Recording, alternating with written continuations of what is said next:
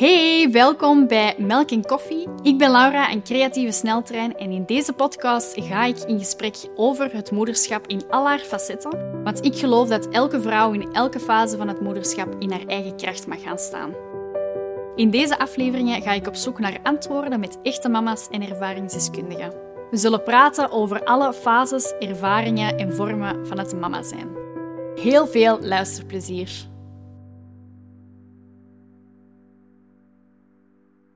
Hey en welkom bij de allereerste aflevering van Melk en Koffie, de podcast. Ik heb hier vandaag Camille Kersieter bij mij zitten en zij is trotse mama van Theon en Regenboogbaby. Ze is getrouwd met haar man Thomas en samen wonen ze in Melzelen met hun twee katten Pipa en Lucy en hun hondje Basil. Ik heb de eer gehad om heel het traject van Camille uh, rond mama worden uh, van dichtbij mogen meemaken. Ik heb hun zwangerschap mogen vastleggen, hun newborn baby en uiteindelijk Theon zijn allereerste verjaardag, wat voor mij als fotograaf ook wel heel speciaal is. Ik ben uh, heel blij dat ik Camille vandaag naast mij in de zetel mag verwelkomen, want ik denk dat deze aflevering een hele mooie en veilige plek mag zijn voor elke mama die dat zoekende is rond kinderwens. Dus welkom Camille. Hoe Hallo. is het met jou? Goedemorgen. Uh, goed. Goed? goed. Ja, eigenlijk wel. Heel ja. leuk dat je hier vandaag bent. Ik heb uh, u al een beetje proberen voorstellen. Ik hoop dat het gelukt is. Ik ben heel benieuwd hoe jij jezelf zou voorstellen. Ja, je hebt eigenlijk al het meeste gezegd. Uh, inderdaad. Uh, 29 jaar. Uh, heel trotse mama ehm, van Theon. Um, inderdaad, een grote dierenvriend. Zoals je er juist alle drie de diertjes al hebt opge... Full house. Ja, inderdaad. dat is inderdaad full house met drie dieren en een kindje. Maar ja, dat... Uh, je krijgt het bol gewerkt. Voilà. ja. We proberen. We proberen. Ik ga de gewoonte ervan maken om elke aflevering Mhm. mm. te starten en te eindigen met een mama-vraag. Ja. Dus mijn eerste vraag naar jou toe is, wat was eigenlijk ooit de reden waarom dat je heel graag mama wou worden? Goh. Ik heb er eigenlijk nooit over nagedacht. Ik was eigenlijk sinds kind al heel zorgzaam. Ik speel met Barbies, met poppen, met knuffels. En eigenlijk is dat, ja, dat was voor mij van, ah ja, meer de vraag van, wanneer wil ik mama worden? Ja. Ik heb dat nooit in vraag gesteld van, wil ik dat wel? Dus ja, eigenlijk... Dat zat er eigenlijk al zo een ja, in. eigenlijk wel. Mijn ouders wisten dat ook al. Um, ja. Was... En, en, want je bent nu samen met Thomas. Mm -hmm. um, was hij ook, had hij ook al snel het gevoel van ik wil papa worden? Ja, eigenlijk ja. wel. Dat is eigenlijk gewoon heel vlot, inderdaad. Hè. Eerst uh, kennismaking, gewoon van, ah ja, meer van, wanneer wil je kindjes? Maar dat is nooit van, ah, hij wil dat niet of zo. Nee, totaal niet. En wanneer was dat moment dat jullie besloten om uh, mama en papa te worden? Want jullie zijn getrouwd. Was dat ervoor nog of, of nadien? Ja. Nee, ik had altijd zoiets van, ik wil eerst trouwen en nadien uh, beginnen aan kindjes. Ja. En ja, zo is dat ook een klein beetje gegaan. Um, dus na de trouw was dat voor ons van, oké, okay, ja, we willen inderdaad wel starten. Um, maar ik heb eerst nog een operatie gehad aan mijn schouder, dus uh, dingen. En dan daarna eigenlijk vrij snel, uh, ja, eraan okay. begonnen. en eraan begonnen, want ik weet, uh, omdat ik jou persoonlijk ook ken, dat dat niet altijd een, een makkelijk traject was voor jullie. Nee. Uh, want je beslist dan om effectief mama en papa te willen worden. Ja. Hoe is dat zo'n beetje in zijn verloop gegaan? Ja. Dus ik ben eigenlijk net voor de zomer uh, gestopt met mijn pil. Um, echt in mijn achterhoofd van, dat gaat hier ja, vlot gaan. Een maand, drie maanden. Allee, Mhm. mm -hmm. eh, het, het droomscenario. Ja. Um, ik heb eerst wel wat afgezien eigenlijk van de stop met de pil. Als in, ja, ik, ik voelde echt een wervelwind in mij. Ik stopte ermee. Ik had zoiets van, wat gebeurt er met mij? Echt gewoon een weekend ja, ruzie gemaakt, echt. Omdat ik gewoon geen blijf wist met mezelf. Dat was dan voorbij. En dan eigenlijk al sinds maand één niet kunnen wachten totdat die regels eigenlijk kwamen. Direct uh, zwangerschapstesten uh, liggen doen.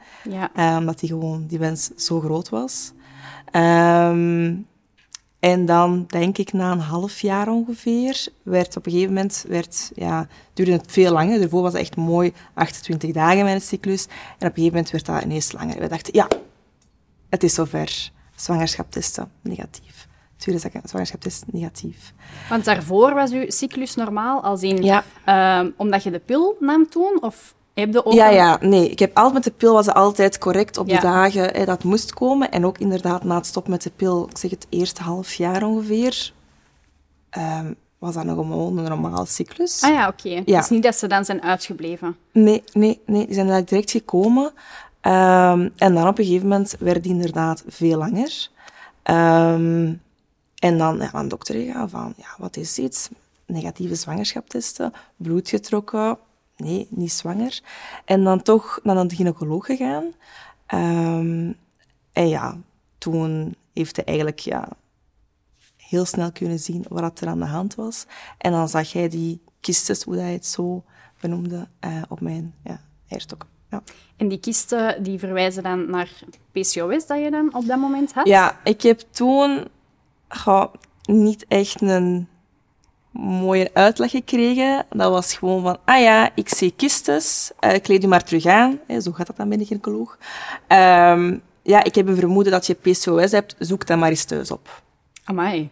Allee, Ja, dat snap ik echt niet. ja.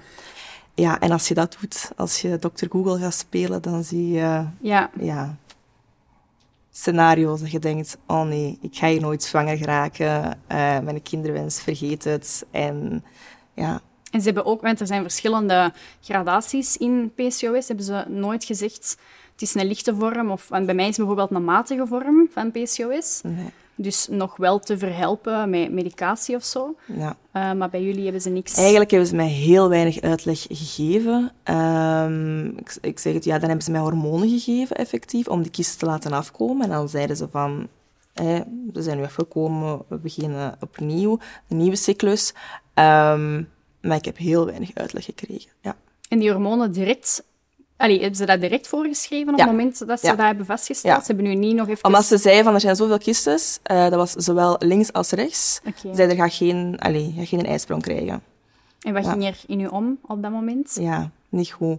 Ik ben toen eigenlijk, eh, allee, eigenlijk wel gecrashed. Omdat ze mij geen uitleg hebben gegeven. En omdat ik dat allemaal heb opgezocht op het internet en zo'n doemscenario's was tegengekomen, ben ik ook naar mijn huisdokter gegaan en zei ook van ja, niet direct panikeren, maar dat ging niet in mijn hoofd. Nee. Ehm, en dan hebben ze me inderdaad twee weken thuisgeschreven, omdat ik zo emotioneel, ja, ik kon dat niet plaatsen. Dat ging niet. Nee, en heel je leven wordt er ook zo'n beetje door beïnvloed. Hè? Ja, Uh, want Ja. ik kan mij bij mezelf ook herinneren, in het beginscenario, dat ze tegen mij zeiden van, eh, er is PCOS vastgesteld. Ehm, ik begon heel mijn leven daaraan te organiseren. Allee, zo, alles was... Ik lette op mijn voeding, ik ging overmatig sporten. Ehm, er waren heel veel zaken die echt overdreven werden. Mhm. Was dat bij jou ook zo? Nee, omdat ik het gevoel had, toen dat ik dat ontdekt heb, ehm, zag je er ook niet zo heel veel van. Ook niet op social media en zo. Nu Ja. lees daar veel meer over en zijn er ook heel veel diëtisten mee bezig van wat kan je effectief doen ehm, om je hormoonbalans dan terug een beetje oké te krijgen. Maar op dat moment bestond dat niet. Je zag een paar artikels, maar eigenlijk niemand gaf mij info van ah, als je daarop let, of daarop let, ja, dat was gewoon van, ja, we hebben iets op de markt ehm, met hormonen in, neemt dat in, misschien helpt dat. Zo was Ja. het meer. Zo. En welke eh, hormonen waren dat, weet je dat nog? Of, of was het op basis van... spu- eh, Ik zie dat vaak op Instagram, eh, mensen die zo van die spuitjes geven in hun onderbuik. Nee, dat was echt gewoon oraal eh, medicatie dat ik heb moeten nemen om die kistes te laten afkomen toen. Ja. Maar niks, dat was puur voor die kist, maar ik heb daarna niks moeten nemen om inderdaad preventief wel... Ja. ehm, ja. Oké. En waren er symptomen dat je achteraf bekeken zoiets hebt van, ja, dat was misschien wel de aanleiding tot je PCOS? Eh, bijvoorbeeld dat je meer haar ergens op plaatsen had, eh, want ze zeggen vaak meer mannelijke hormonen. Dat is iets dat een dokter tegen mij ook gezegd had. Ehm, Nee, dat of niet. meer acne bijvoorbeeld. Nee, want haargroei en acne heb ik eigenlijk, ja, eigenlijk zo, niet zoveel last van. Ehm, het is wel met als ze nu, hè, dus na zoveel jaar, ben ik me daar toch eh, wat meer aan het verdiepen. Ook met een diëtiste gaan over praten. En dan was dat wel van, ah ja, oké. Bijvoorbeeld eh, die insulineresistentie, dat ze zeggen, en dat ik moet letten op suikerpieken en zo. En ja, het niet het, magisch, het, niet het eh, magere typische meisje of zo. Dus inderdaad Ja. dat ik wel heel mijn leven al last heb gehad met mijn metabolisme en dergelijke. Dus dan allee, begint dat wel allemaal zo door te zetten van, ah ja, oké, dat was al langer aan de gang Ja. met mijn hormonen. Ja, een hormoonbalans niet oké was. Nee, inderdaad. En bent je dan ook echt extreem op voeding en zo beginnen letten? Of Nee, op dat moment, op dat moment niet. nee? Ehm, omdat inderdaad, nadat ik die hormonen heb genomen om de kisten te laten afkomen, ehm, heb ik het, nadat ik even ben ingestort, het, allee, even gezegd van oké, we laten het zo. En het was ook toen de feestdagen begonnen.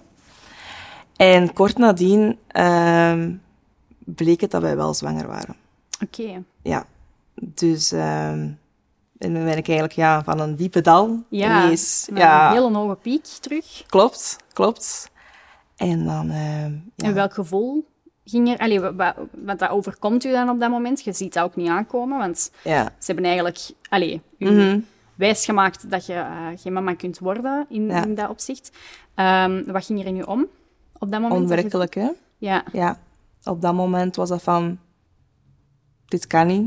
Ehm, maar langs de andere kant ook heel blij. Ehm, direct naar een kinderwinkel gereden. Het ook al verteld aan mijn ouders. Een crash eh, gaan bezien. Allee, ehm, ja. En echt vanaf het moment dat jullie wisten dat jullie zwanger waren, want het meestal is zo het cliché van we wachten drie maanden vooraleer Nee. dat we dat Nee. gewoon direct... Op dat moment ja. niet. Op dat moment niet. Nee, omdat ik inderdaad... Je hebt zo lang die hoop, dan heb je dat negatief nieuws. Je valt echt in een dal en dan opeens... Ja, blij... blij allee. Is het toch gelukt, om het zo te zeggen? Ehm, ja. En dan denk je, ja, dit is oké. Ja, Maar dan, een paar weken later, bleek het dan inderdaad niet oké te zijn. dat was dan met een eerste echo, dat ze dat... Nee, Nee? nee. Net door die PCOS zei ehm, mijn gynaecoloog van, ik wil u heel, allee, van heel dichtbij opvolgen.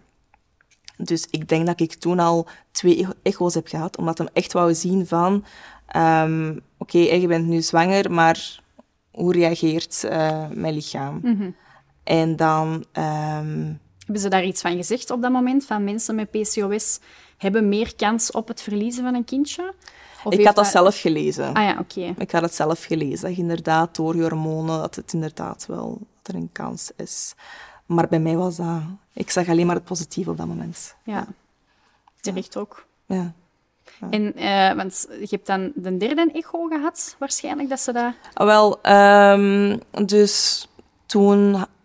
Allee, was er inderdaad een echo samen met een man. Ehm, en dan zei het hem van, ja, het hartje klopt nog niet, maar geen paniek, hè, dat komt nog wel. En dan eigenlijk enkele dagen later, wij zijn die dag zelf nog een crash gaan, ehm, Ja. gaan bezoeken. Ik voelde aan mijn lichaam dat er iets niet oké was. Ik weet niet hoe of wat, maar het voelde niet oké. En eh, ik had ook wat verlies. Geen bloed, maar gewoon wat verlies. En ehm, ik, ben direct, ik heb direct mijn telefoon genomen, aan de gynaecoloog gebeld en zei, kom direct af. Ik dacht, oh ja, oké, komt wel goed. Mijn man moest gaan werken met, de, met shiften. Ik zeg, ga maar werken. Ik ben toen alleen naar, eh, naar de stad gereden. Ehm, en dan ja, zei hem van, eh, ja, dat, ja, dat hartje sowieso niet meer ging kloppen. Ehm, en dat vruchtje ook niet van zichzelf ging afkomen. Dus dat ja, nodig was voor een curettage te doen. Ja. En wat ging er op dat moment in je om? Want ik kan me voorstellen, je gaat inderdaad van een hele allee, lage piek naar een hele hoge terug. Je wereld stort in, denk ik, op dat moment. ja. Ehm, sorry. Dat is echt oké. Ehm, Die gevoelens die mogen er zijn. ja. Ik weet nog, ik stond letterlijk op de leien en ik stond op de tramsporen en ik stond stil, huilend. En ik dacht van, dit is gewoon zo'n gevaarlijk scenario. Ehm, ik had eigenlijk moeten blijven staan Ja. daar, want ik heb toen in een auto gestapt, maar eh, ja, dan ben ik echt ingestort. Ja. En toch had ik die hoop van, dat hartje gaat kloppen. We hebben toen effectief nog bloed laten trekken en inderdaad, mijn HCG-waarden waren nog heel hoog. Ehm, het weekend nog afgewacht. Er gebeurde niks. Ehm, ik ben toen nog op maandagavond om 9 uur een second opinion gaan doen bij een andere gynaecoloog. Omdat ik zo in mijn hoofd zat Ja. van, nee, dit kan niet. Wat heel Ja. goed is. Dat je, ik vind Ja, altijd omdat- voorstander van second opinions. Of, eh, Ja, gewoon puur ook omdat mijn gynaecoloog mij zo'n... Ja, geen advies had gegeven over die PCOS. En dan dat dit was gebeurd. En ja, ik dacht van, ik moet met iemand anders gaan spreken hierover. Ja. En ja, ergens anders worden opgevolgd. Want hoeveel weken was je op het moment dat je dat nieuws binnenkreeg? Zeven weken. Ja. En wat is dan zo het, het eerstvolgende, allee, de eerstvolgende stappen die dat, die dat volgen? Ehm, ik heb toen curettage gedaan. Ehm, ja, omdat het inderdaad zelf niet afkwam. En hij zei van, dat is het beste om te doen. En dan zeiden ze van, ja, wacht toch drie maanden ehm, om opnieuw te proberen. Ja. Ja. Dat is zo de standaard dan. Drie maanden dat je... De ene gynaecoloog zegt iets anders dan de andere gynaecoloog. Ja. Ja, dat heb ik toen ook wel ondervonden. Ehm, de andere zei van, oh ja, nee, geen probleem. Ehm, en de andere zei van, laat toch even jullie gaan Ja. drie maanden rusten. Ja.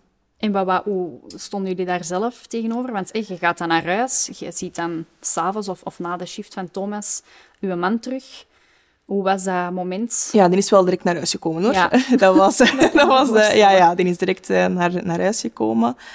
Eh, ja, je valt terug in dat gat. Ja. ja. En ging er bij jullie zoiets om van die kinderwens, ik ga hem even opzij schuiven? Of hadden jullie wel allebei zoiets van, In het begin wel, maar ja, heel snel had ik zoiets van, nee, we moeten gewoon verder gaan. Ehm, en die angst proberen opzij te schuiven, terwijl dat nooit is gelukt. Maar eh, nee, dat was echt wel van, oké, we wachten inderdaad drie maanden, dat hebben we effectief gedaan. Ehm, maar nadien zijn we wel terug eh, begonnen, ja. En hebben jullie zo... ehm, eh, want ik kan me voorstellen dat je je wel mama voelt op dat moment. Ehm, is dat, heeft dat een speciale plaats gekregen? Of hebben jullie iets speciaal daar rond Ja. gedaan om in huis te Ja. liggen bijvoorbeeld? Of, Ehm, wij hebben toen effectief de week nadien, na de curatage, ben ik direct naar Antwerpen gereden, naar juwelier, en een ring laten maken. Ehm, dat was puur voor mezelf. ja, En dan in huis hebben we ook zo... Dat is eigenlijk... Allez, sommige mensen, ik weet dat sommige mensen zeggen, ah, maar, eh, maar zeven weken, maar voor mij was dat... Ehm, in huis hebben we ook zo een klein standbeeldje. ja. Ja, niet veel mensen weten dat, hoor. Nee, maar dat hoeft ook Niet, niet. Mensen, als ze dat zien, weten die niet van, ah ja, dat is daarvoor of zo. Nee, ja, dat is iets niet. van jullie persoonlijk, Ja. van jullie zelf. Ja. ja. Want als ik mij niet vergis, had Thomas ook een tattoo laten zetten? Ja, dat is nu. Dat is nu. Ja, ja, Oké. we hebben samen een tattoo laten zetten. Ehm, dat was eigenlijk omdat Theon dan, eh, onze rainbow baby is, eh, het eh, regenboogkindje, Ja. het eerste kindje na verlies. Na het verlies, ja. En daarmee dat zo voor ons een beetje, ja, voor zowel Theon als voor Ja, Miss Kraam. Ja. oké. Wel heel mooi. Ja. Want, ehm allee, dus je geeft daar hoeveel tijd aan? Even ze zeggen drie maanden. Ja, ja. Ehm, wanneer was je opnieuw zwanger van eh Theon? Wel, dus na die drie maanden hebben we inderdaad er terug aan begonnen. En toen was direct mijn cyclus terug super lang. en dan... Weet je dan nog in, in een aantal dagen hoe lang dat je cyclus op dat moment was? Ik heb het nooit opgezocht op mijn app, want ik hield dat allemaal bij op mijn app. En die maand zelf weet ik niet, maar ik weet dat, al, dat er soms eh 50 dagen eh, Ja. dat er wel tussen toen. Ehm, en dan ben ik ook direct terug aan de gynaecoloog gegaan, om te laten zien van oké, ze- zijn er terug kistes? En dat was effectief terug beide eh, kanten. En dan ehm, heeft ze, heeft ze mij terug hormonen gegeven. En toen zei ik tegen haar van, kijk, we zijn nu een jaar verder. Ik weet dat, voor sommige mensen is dat niet lang. Maar voor mij, wat er allemaal al gebeurd was, was dat voor mij echt lang. En dan zei ik van, kun je mij helpen op een andere manier? Ehm, en dan heeft zij ook niet over voeding of dergelijke gesproken. Eh, En dan zei ze wel van, wat ik wel kan doen, zei ze, is na die hormonen... ehm, heeft zij mij een hormoonspuit gegeven om ervoor te zorgen dat binnen zoveel uur een ijsprong wel allee, zich voordeed. Oké. Ja. Ja. En heb je impact gehad van die hormonen? Alleen Nee. bepaalde symptomen achteraf? Ehm, Nee. En ook niet bij, allee, bij de eerste zwangerschapspoging met de hormonen daar? Er waren geen klachten of zo? Oké. Je bedoelt van de hormoon dat ik heb ingenomen? Nee, nee, nooit geen last van gehad. Nee, nee, inderdaad. Nee. Wat wel goed is. Allee. Nee. Ik heb daar altijd wel zo'n beetje schrik van, van hormonen bijnemen. Ehm, Ja. allee, ik heb ook wel wat bang van de pil zelf, omdat, dat- Mm. omdat ik weet wat dat, dat doet op je lichaam. Ja. Ik weet niet, want was dat bij u ook, dat je zo bepaalde dingen voelde? Ja, voor mij, als ik hormonen neem, daarmee dat ik ook heb gezegd tegen mij van, ik neem, allee, voor mezelf van, ik neem geen anticonceptiepil meer. Ehm, mijn, mijn gevoelens worden daar heel hard van afgevlakt. Dat is voor mij, eh, ja, ja. Nadien na het stoppen met de pil, de eerste keer dan, dat was voor mij echt van, ah ja, ik begon wel zo terug meer te huilen en dergelijke. Maar ja, ik had gewoon precies meer gevoelens. Ik weet het niet. Ehm, ja. En toen besefte ik al van wat dat allemaal doet met je lichaam. Ja, ja, tuurlijk. De pil, ja. ja. Maar voor mij, de hormonen zelf nemen om die kistjes te laten afkomen, dat was wel voor mij zoiets van, ah ja, dat moet of zo op dat moment. Daar heb ik niet echt over nagedacht. Ik heb toen echt het advies gevolgd van, eh, van de gynaecoloog op dat moment. Ja. En waren er bepaalde angsten? Want je- bent dan een kindje verloren op dat moment. Ja. Ehm, ook Ja. al was dat nog maar zeven weken. Zeven weken is ook lang. ja. Ehm, Ja, ehm, inderdaad, zoals gezegd, zeven weken is lang. Voor sommige mensen is dat niet lang, omdat ze zeggen van ja, je ontdekt het pas hè, na vier weken. Dat is waar, maar ik heb het ervoor al ontdekt. Dus voor mij was dat dan ook inderdaad zo langer. En met dat ik die zoveel controle al had gehad, ehm leek dat langer of zo? Ik weet het niet. Ehm, nu, dat je er er ook zo lang ik vind aan elke, leven, Ja, ik vind elke miskraam op eender welke week vind ik altijd... eh allee, voor mij is dat hetzelfde. Ehm, dus na het nemen van die spuit, hè, die hormoonspuit, om een ijsprong te hebben, dan hebben wij eigenlijk veel geluk gehad dat toen eigenlijk... Dat wij toen zwanger zijn geraakt. Ehm, en dat was inderdaad ook... Dat, allee, dat is Theon. Ehm, maar heel veel angsten. Heel veel angsten. Vanaf moment één, ik weet het nog, we deden een zwangerschapstest en we vertrokken die dag zelf met de auto op vakantie naar Frankrijk. En ja, vraag daar maar eens van, is deze kaas gepasteuriseerd? Ja, Ja, om- ja. Ik heb die het keken van, wat vraag je aan mij? Dus ja, heel veel angst. eh. qua eten, ik had nergens anders meer slaatjes. Ehm, enkel als ik het zelf had gespoeld, van fruit net hetzelfde. Wat dat heel moeilijk is in de zomer, want ga maar een keer op restaurant en Ja. je krijgt altijd wel een slaatje. Ik had dat dus niet op. En hadden we dan het gevoel dat die miskraam uw, uw fout was? Ja, Ja? ja. Ik heb dat altijd in mijn hoofd gehad. Je hebt het gevoel van, er is iets mis met mijn lichaam. Ja. Wat niet zo is, hè? Nee, nee, maar op dat moment heb je wel zoiets ja. van... En ook naar je man toe. Dat ze van, allee, eerst al problemen met zwanger te worden, en dan, ja... En eh, had dat een impact op jullie relatie? Als je daar nu achteraf zo op terugkijkt? Ehm, misschien de eerste weken, omdat ik- kan me echt wel vrij snel dan afsluiten. Maar Thomas is echt, ja, ja super begripvol en, en lief. En ja, ja. Die staat is altijd, die staat altijd achter mij, ja. ja. Nee, wel Ja. echt. Ja, mooi.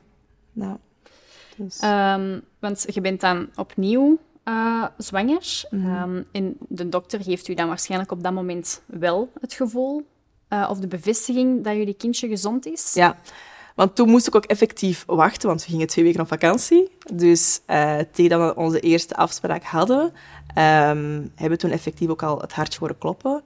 En toen zei de gynaecoloog, de andere gynaecoloog trouwens, dus van de second opinion, Ja. ben ik blijven gaan. Ik ben niet meer terug aan mijn eerste. Ik kon dat ook niet meer om in dat gebouw te stappen. Te stappen. Ehm, Je linkt toen- heel veel aan bepaalde ja, gebeurtenissen. Ja, inderdaad. En ehm, ze zei ook van, dit ziet er echt goed uit, zei ze. Allee, ehm, Kun je dat moment nog herinneren dat je voor de eerste keer tegen ons een hartje hoort kloppen? ja, Het is wel een heel speciaal moment, denk ik. ja, effectief. Ja, inderdaad. Ja, dat is mooi. Dat is het mooiste geluid op dat moment. Ja, Mhm. ja inderdaad. En heb je nadien nog in angst geleefd? Ja, want ik denk twee dagen na eh, de echo kreeg ik eh, bloedverlies. En ik dacht, ja, deze kan niet. Ja. En dan eh, heb ik direct aan de gynaecoloog gebeld. En dan zei hij tegen mij van... Geen stress, ze. Zei, dit gebeurt nog. Ehm, maar met dan de geschiedenis van de PCOS heeft ze gezegd van steek toch uh, progesteron op, omdat inderdaad, dat is ook terug, terug naar die hormoonbalans dat niet oké was, uh, om die bloeding te stoppen. En dan heb ik dat inderdaad gedaan. En dan, ja, dat is eigenlijk een ampulle dat je uh, moet opsteken. En um, eerst in hoge dosis, dan afgebouwd. En dan was het oké. Ja. ja. En is, ik weet niet of je dat weet, uh, of dat een dokter dat op dat moment tegen jou had gezegd. Heb je meer bloedverlies als PCOS-patiënt? Op het moment dat je zwanger bent? Of heeft dat niks Dat hebben met ze mij nooit ja, gezegd. Dat hebben ze mij nooit gezegd, nee. Nee. nee. Maar dat was wel een tekort aan progesteron. Ja. Ja, dat wel. Dat bleek dan inderdaad, eh, doordat ik die progesteron heb moeten nemen, dat het dan ook wel effectief wel Mhm. gestopt is. Ja. Heb je dan nog met die angst geleefd totdat echt Theon geboren werd? Ja, of is dat wel wat vervaagd? Nee, nee, dat is nooit eh, vervaagd. Ehm, ja, sorry, het is wel vervaagd vanaf het moment dat ik hem zelf voelde. Ja. Maar die eerste maanden dat je hem niet voelde, dan, ja, dan denk je elke dag van, is het oké? Je wilt iets weten. Ja. En uw afspraak bij een gynaecoloog is altijd zomaar om de maand. En ik kon niet wachten. Op een gegeven moment speelde dat terug zo hard in mijn hoofd, dat ik echt heb gebeld voor de vragen van, mag ik alsjeblieft nog eens langskomen? Ja. En dan, ja, die was super begripvol, mijn gynaecoloog. Oké, Ja. dus dat Ja. was geen probleem. Nee, nee, eh, die wist ook inderdaad heel de historie en die wist hoe angstig dat ik was. En, en, ehm, dus ja, dat mocht zeker en vast. Maar vanaf, ik zeg het, ik heb hem vrij snel gevoeld, vanaf 21 week 21 was dat. ehm, was wel van oké, ik voel hem. Maar je hebt wel altijd die angst, ja. mhm. Ja. En dan is dat moment daar, dat je moet bevallen. Ja. Was dat, had je zo op voorhand een droomscenario vooropgesteld? Of had je zoiets van, ik ga dat gewoon ondergaan op het moment zelf? Ja. En we zien wel. Ehm, ik had wel zoiets van, ik ga het gewoon ondergaan. Ehm, je denkt wel zoiets van, oei, wat gaat dat geven en dergelijke. Ehm, maar ik dacht van, niet te veel lezen, go with the flow. Eh, ze kennen daar veel meer van dan jij. Ik had wel dit in mijn hoofd van, ik wil geen epidurale. Dat had ik En om een specifieke reden waarom dat je dat niet wou? Ten eerste omdat ik echt bang heb van naalden. Mhm. Ehm, en omdat ik dacht van, ik wil dat echt voelen. Ik wil alles gewoon meemaken, Ja. bewust meemaken. Dat was mijn droomscenario. Ehm, het was ook mijn droomscenario om effectief thuis eh, ja, vlies te breken en Ja. zo. Maar nee, Maar niet per se thuis bevallen. Dat nee, nee, nee, nee, nee daar niet, daar niet. Maar was dat gewoon van, ah ja, oké, eh, je vlies breken en we gaan naar het ziekenhuis. Dat was bij mij altijd in mijn hoofd van, zo gaat dat Ja. gaan. En was het uiteindelijk een bevalling zoals dat je het in je hoofd had? Nee, nee, nee, nee. Ehm, dus de laatste, eh, laatste echo, 40 weken, ehm, ja, de gynaecoloog deed een echo en die zei van, dit zit daar nog heel goed. Je zag echt zo mooi dat gezichtje ook. Ze zei, je hebt heel veel vruchtwater.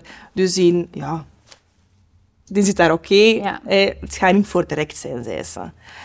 Dus dan heeft hij mij effectief gestript. Ze zei van, goh, misschien ehm, helpt dat wel.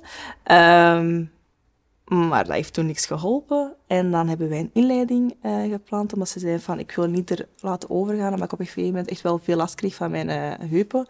Ze zei, maar ik wil nu niet meer dan een week laten eh, erover gaan. Ehm, en dan hadden we een inleiding gepland op 40 weken en 5 dagen. Ja, inderdaad. Dus inderdaad, s'avonds naar het ziekenhuis. Ehm je start aan de inleiding om eh 11 uur s'avonds. En ehm kwam vrij snel op gang, die weeën. Ehm, op een gegeven moment is dat stilgevallen, eh, s s'morgens. En ja, mijn vliezen wou niet breken. Ehm, en dan hebben ze tegen de middag, hè, dus hè, hormonen blijven bijgeven, hè, om meer en meer ween op te wekken. Er gebeurde niet veel meer. Ja, voor mij wel, want hè, meer en meer weeën. Ehm, maar qua vliezen breken niet. En dan hebben ze uiteindelijk het geforceerd om mijn eh, vliezen te breken. Ehm, en dan zei ze van, ja, je moet echt heel recht blijven zitten op dat moment, want er kan nu van alles misgaan. Omdat, ja, je kindje valt vrij snel naar beneden. Mhm. Maar ik ook nog zoveel vruchtwater eh, had. Ehm, en dan, ja, dan komen de stevigere weeën aan. Dat was van, oké, ja, dit is pittig. Maar nog steeds, mijn opening bleef Nee. steken. Eh, ik denk toen op 5 centimeter, denk ik, ja. En dan zei ze van, ja, dit klopt niet. En dan hebben ze eventjes een echo genomen, want toen was het al smiddags. Hebben ze een echo genomen en dan zeiden ze van, ja, hij is effectief door het vallen, zat hem echt vast in mijn heupen, was een uh, sterrenkijker. Ehm, en hij begon ook echt al zo'n puntje op zijn hoofd te krijgen. En dan zei ze van, ja, wilde toch geen epidurale nemen, want dan is de kans dat je meer ontspant en dat het toch iets Ja. of wat nog gaat bewegen of zo. Hebben ze mij Buscopan gegeven, dat zal gaan om alles te ontspannen. Het Heb is ik... tot 6 centimeter, denk ik, dat je mocht vragen voor epiduralen. Hè? Of mogen dat nog later doen? Ik heb dat nooit opgezocht, omdat ik dacht van, ik wil dat niet. Ik dacht van, ze gaan mij dan dat ze wel... dat zeggen in het ziekenhuis, van als nee, je er wilt. Nee, nee, omdat ze echt wel wisten bij mij van, ik, ik wou het niet. ja. En ik had echt een supergoeie vroedvrouw, die was me er echt aan het doorhalen door elke week. En ik dacht van, die zei ook tegen mij van, dat komt goed, dat komt goed. Dus ik werd echt super hard gesteund daarin. Dus dat hebben ze ook toen nooit gezegd van, nog Mhm. Nee. zoveel centimeter eindig, moet het echt beslissen. Dat totaal niet. Oké. Ehm, en hebben ze mij ook nog een uur op handen en knie laten zitten. eh, van alles, met een bal ertussen. En dan zeiden ze s'avonds om zeven uur van... Dit gaat Nee. geen effect hebben. Ehm, en dan is het een keizersnee geworden. En dat was bij mij echt van... Dat wou ik totaal niet. Nee. Nee. Nee. En heb je dat bewust meegemaakt? Ja. Die overgangsfase van oké, we gaan nu keizersnede Ja, ja, ja, ja, ja, ja. Ja. ja. Ik had een epiduraal op dat moment zitten, ehm, maar ik was ja, bewust. Ja, je zit vol hormonen. Ja, ja, ja. Ik was op een gegeven moment was ik echt aan het, aan het shaken, zeker toen ze het nieuws brachten van het zal een keizersnede worden. Ehm, ja, maar ik was bewust. Allee, zeker. En Thomas is dan waarschijnlijk heel lang bij u gebleven? Allee, doorheen de bevalling altijd bij u gebleven? Ja, ja, ja. ja. En hoe reageerde hij daarop? Want dat is een, voor een man is dat denk ik ook wel ja, heavy om zo ineens van een natuurlijke bevalling over te schakelen Ja. naar een keizersnede. ja, ja.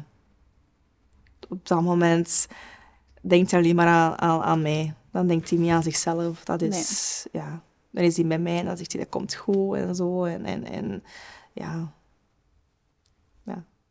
En hoe was dat moment? Dat moment dat je echt allee, klaar waart om te bevallen, ze pakken je kindje eruit. Ehm, hoe was dat moment voor u dat je zo de eerste keer Theon kon zien? Hebben ze hem direct bij u gelegd? Of was er Ja. even een fase dat ze die er hebben allee, weggenomen? Dus ja, eh, ze nemen eerst sowieso... ehm, hoe moet ik het zeggen? Dus inderdaad, tijdens de keizersnede... ehm, het duurde ook al wel lang, omdat hij echt zo vast zat. Dan hebben ze hem uitgehaald. En dan normaal gezien mogen ze hem niet bij de mama leggen, omdat ja, je ligt vast eigenlijk. Ja. ehm, met je armen. En dan heeft Thomas toch gevraagd van... Mag het alsjeblieft? ja. En dan... ehm, ja. En dat was dat moment daar dat je me voor de eerste keer zag. Bye. zo gek, ja. Dat is super mooi, hè? Dat, dat, Ja. dat nu zo terug die emoties eh allee, oprakelt. Ja. Ja, dat is een supermooi moment, hè. Ja, dat is... eh je kunt het niet beschrijven. Nee. Je hebt eindelijk dat, ja, je kindje bij je, gezond kindje bij je. Ja. Ja. mooi. En hoe lang zijn jullie ongeveer nog in het ziekenhuis gebleven? Eh, een week, een week. Ja, ja, ja. Mijn keizersnee een week was ook, ja, vol corona.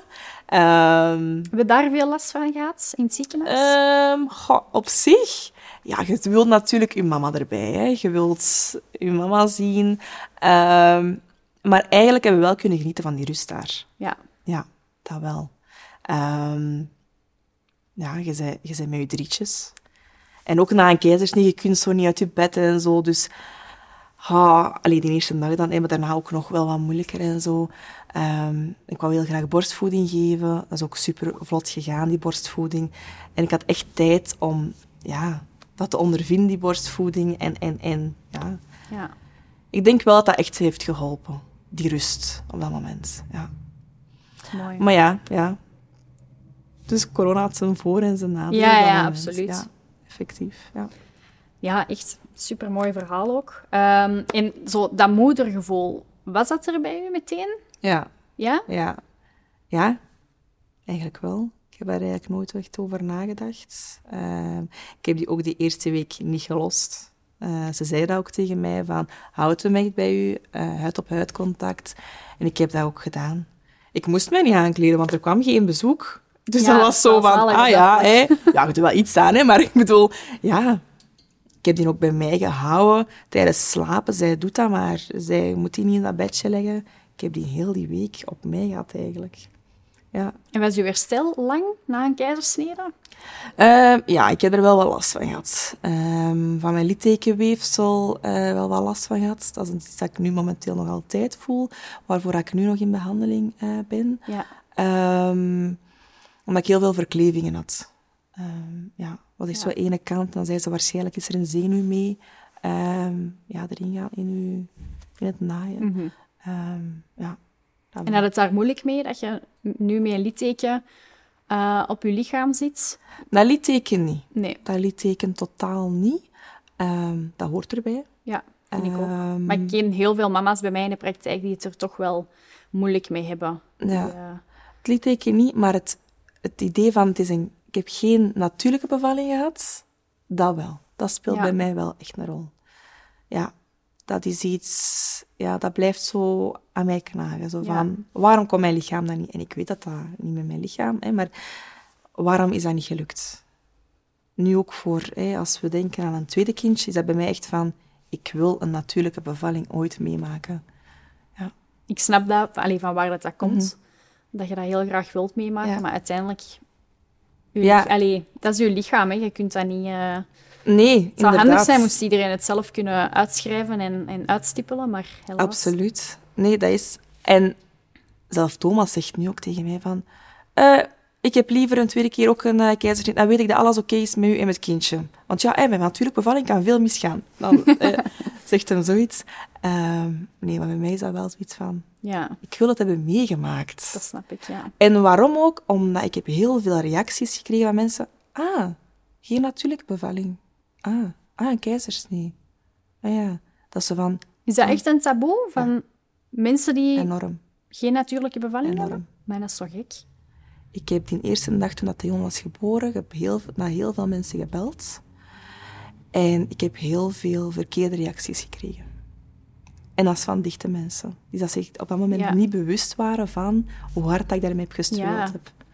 En zeker met je voorgeschiedenis, eh wat dat jullie al hebben moeten meemaken, Ja. is dat op dat moment niet het belangrijkste. Hè? Of dat je natuurlijk nee. bevalt of Voor mij was dat zo van, oké, ja, ik lig hier in dat bed en ik heb last. Maar bij mij was dat van, Theon is gezond. Ja, Dat was voor mij het allerbelangrijkste.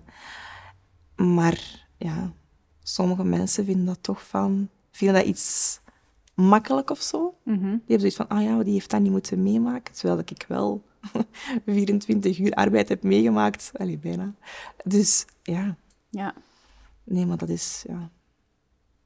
Dat is Ja, echt een dat is- taboe. ja, heel veel mensen. dat is heel erg dat dat een taboe is. En dat hoor ik nog zo in mijn omgeving. Ja. En dan voel je gefaald. Ja. Terwijl dat je weet in je achterhoofd van je kon er niks aan doen. Ehm, maar ja, dat is een taboe. Absoluut. Niet oké. Nee, nee. En je wilt heel graag een tweede kindje, hoor ik u zeggen. Ja. Allee, eigenlijk een derde kindje, want je Ja. bent al eens eh, mama geworden. Ehm ga je daar ook terug hormonen voor moeten bijnemen, denkt dat? Ehm, met dat dat eigenlijk nu meer en meer inderdaad eh, via social media ook een beetje gekender wordt, denk ik. Want vroeger als je zei PCOS, en dan spreek ik over 2019, ehm, dan zeiden mensen, wat is dat? Maar nu zie je dat er veel meer mensen mee bezig zijn, veel meer diëtisten dingen over delen, ehm, meer research. En ehm, ik heb ook effectief al gesproken met een diëtiste, dat daar ook wel gespecialiseerd in is. En die heeft mij nu wel eh, voedingsadvies gegeven. Oké. Ja. Dus dat is voor mij nu wel zoiets van, oké, ja, ik wil daar wel ook aan werken om die adviezen op te volgen, eh, met dat er die wens is. En zijn er dan bepaalde voedingsmiddelen die dat je beter niet kunt nemen als PCOS-patiënt? Ja, voornamelijk geen... ehm wat hebben ze tegen mij gezegd? Van, hey, PCOS is ook een insulin, insulineresistentie. Ehm dus geen diabetes, hè, maar insulineresistentie. Dus tegen mij zeiden ze van, zorg dat je geen te hoge suikerpieken hebt. Dat je die altijd, eh, dat je suiker eigenlijk in balans houdt. Ehm, dus inderdaad, hè, niet gewoon 's middags een koekje gaan nemen zonder iets erbij, maar altijd in combinatie met proteïne bijvoorbeeld. Ja. Ehm, dus ik heb zo'n ja, voedingsschema gekregen. Ja. Oké. Ja. Ik denk wel dat dat helpt. Ik doe, de, allee, ik doe dat zelf ook. Heel veel vezels, heel veel groentjes eten ehm, en inderdaad op je suikers letten. Ja. En dan mogen je nog altijd chocola en frietjes eten. Tuurlijk, Maar, eh, tuurlijk. Moet niet... eh, Inderdaad er een beetje Ja, op letten. Ja. Een gezonde levensstijl eigenlijk gewoon. inderdaad. Ja. Dat is eigenlijk het enige dat ze kunnen Ja. zeggen. Ehm, wat ze kunnen, allee, wat je kunt doen. Ja. Als je er nu achteraf zo terug aan denkt, aan heel het avontuur eh, of heel het traject dat jullie hebben doorstaan, is er dan zoiets dat je zegt van, dat hebben ze mij nooit verteld toen ik mama wou worden? dat het niet zomaar vanzelfsprekend gaat. Ja. En dat denk ik, dat echt inderdaad ook een taboe is. Dat mensen, ze delen wel, ze zijn zwanger, maar nooit van wat is er. Ja, wat is de voorgeschiedenis? Ja. Ik heb wel het gevoel dat dat wel nu zo wat meer aan Ja. het loskomen is bij de mensen. Ook als ik ehm, mijn verhaal doe, eh, dat dat ter sprake komt, dat de mensen zeggen van, ah ja, bij mij is dat zo gegaan. En dan volgt dat. Ja. En dan krijg je echt zo'n gesprek dat je denkt van, ah kijk, ik voel mij niet alleen. En dat helpt wel. ja. Ja, dat wel. Maar op dat moment, ja, hoorde dat niet. Nee, absoluut niet. Nee. Mensen, eh, alleen nu inderdaad is het beter, maar vroeger Ja. werd dat niet meer zo heel, Nee. veel, eh allee, niet heel veel gezegd. Nee. En wat is ehm, zo uw ultieme momhack?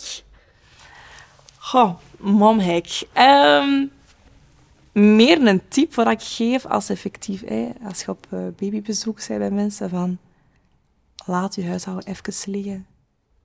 Je kunt dat niet eeuwig laten liggen, hè, maar speelt met je kind. Ja, Dat is zo belangrijk, want je leert die kennen, je, je leert die frustraties kennen, die, ja, die reacties kennen op bepaalde dingen. En ik vind, hoe meer dat je ermee speelt, hoe meer dat je er effectief mee bezig bent, ja, hoe beter dat je kunt handelen op, op andere momenten dat je weet van, ah ja, oké, Mhm. Zo is hij, zo is zijn karakter. Ik kan dat nu echt effectief al zeggen van, Theon zijn karakter is zo. Terwijl hij eigenlijk nog maar ja, 17 maanden is. ja, de tijd nemen om je kind te observeren ook, hè, want Ja. het gaat veel te snel. Ja, ja, ja. En ja, ligt er dan eens wat was, dan ligt er wat Zo was. be it. Ja, dat is echt. Ja, Nee, mooi. vind ik vind een hele mooie momhack. ja. Dank je wel om te delen. Eh, voor de mensen thuis die aan het kijken zijn, eh, waar kunnen ze jou vinden op social media? Mochten ze nog vragen hebben? Ze mogen altijd sturen naar mijn Instagram. En dat is gewoon Camille Keerschieter. Met dubbele S. Oké, kijk goed. Ja, ik vond het echt een hele interessante aflevering. Ik ben ook heel blij dat jij hier vandaag de tijd hebt genomen om naast mij in de zetel te zitten. Eh, en ik hoop dat jij thuis ook heel veel hebt gehad aan deze aflevering. Ik denk dat heel veel mama's ehm, hier steun in gaan vinden. En dan zie ik jullie heel graag terug bij een volgende aflevering. Bye bye! Dankjewel voor het luisteren of kijken naar deze nieuwe podcastaflevering van Melk en Koffie. Ik ben heel blij dat jij er vandaag opnieuw weer bij was. En mocht je een review willen achterlaten of iets willen delen in jouw stories of op social media in het algemeen, zou ik dat heel leuk vinden, want dat zou enorm veel voor mij betekenen. Je kan mij vinden op Instagram, melk en koffie. En dan heel graag tot de volgende keer. Bye bye!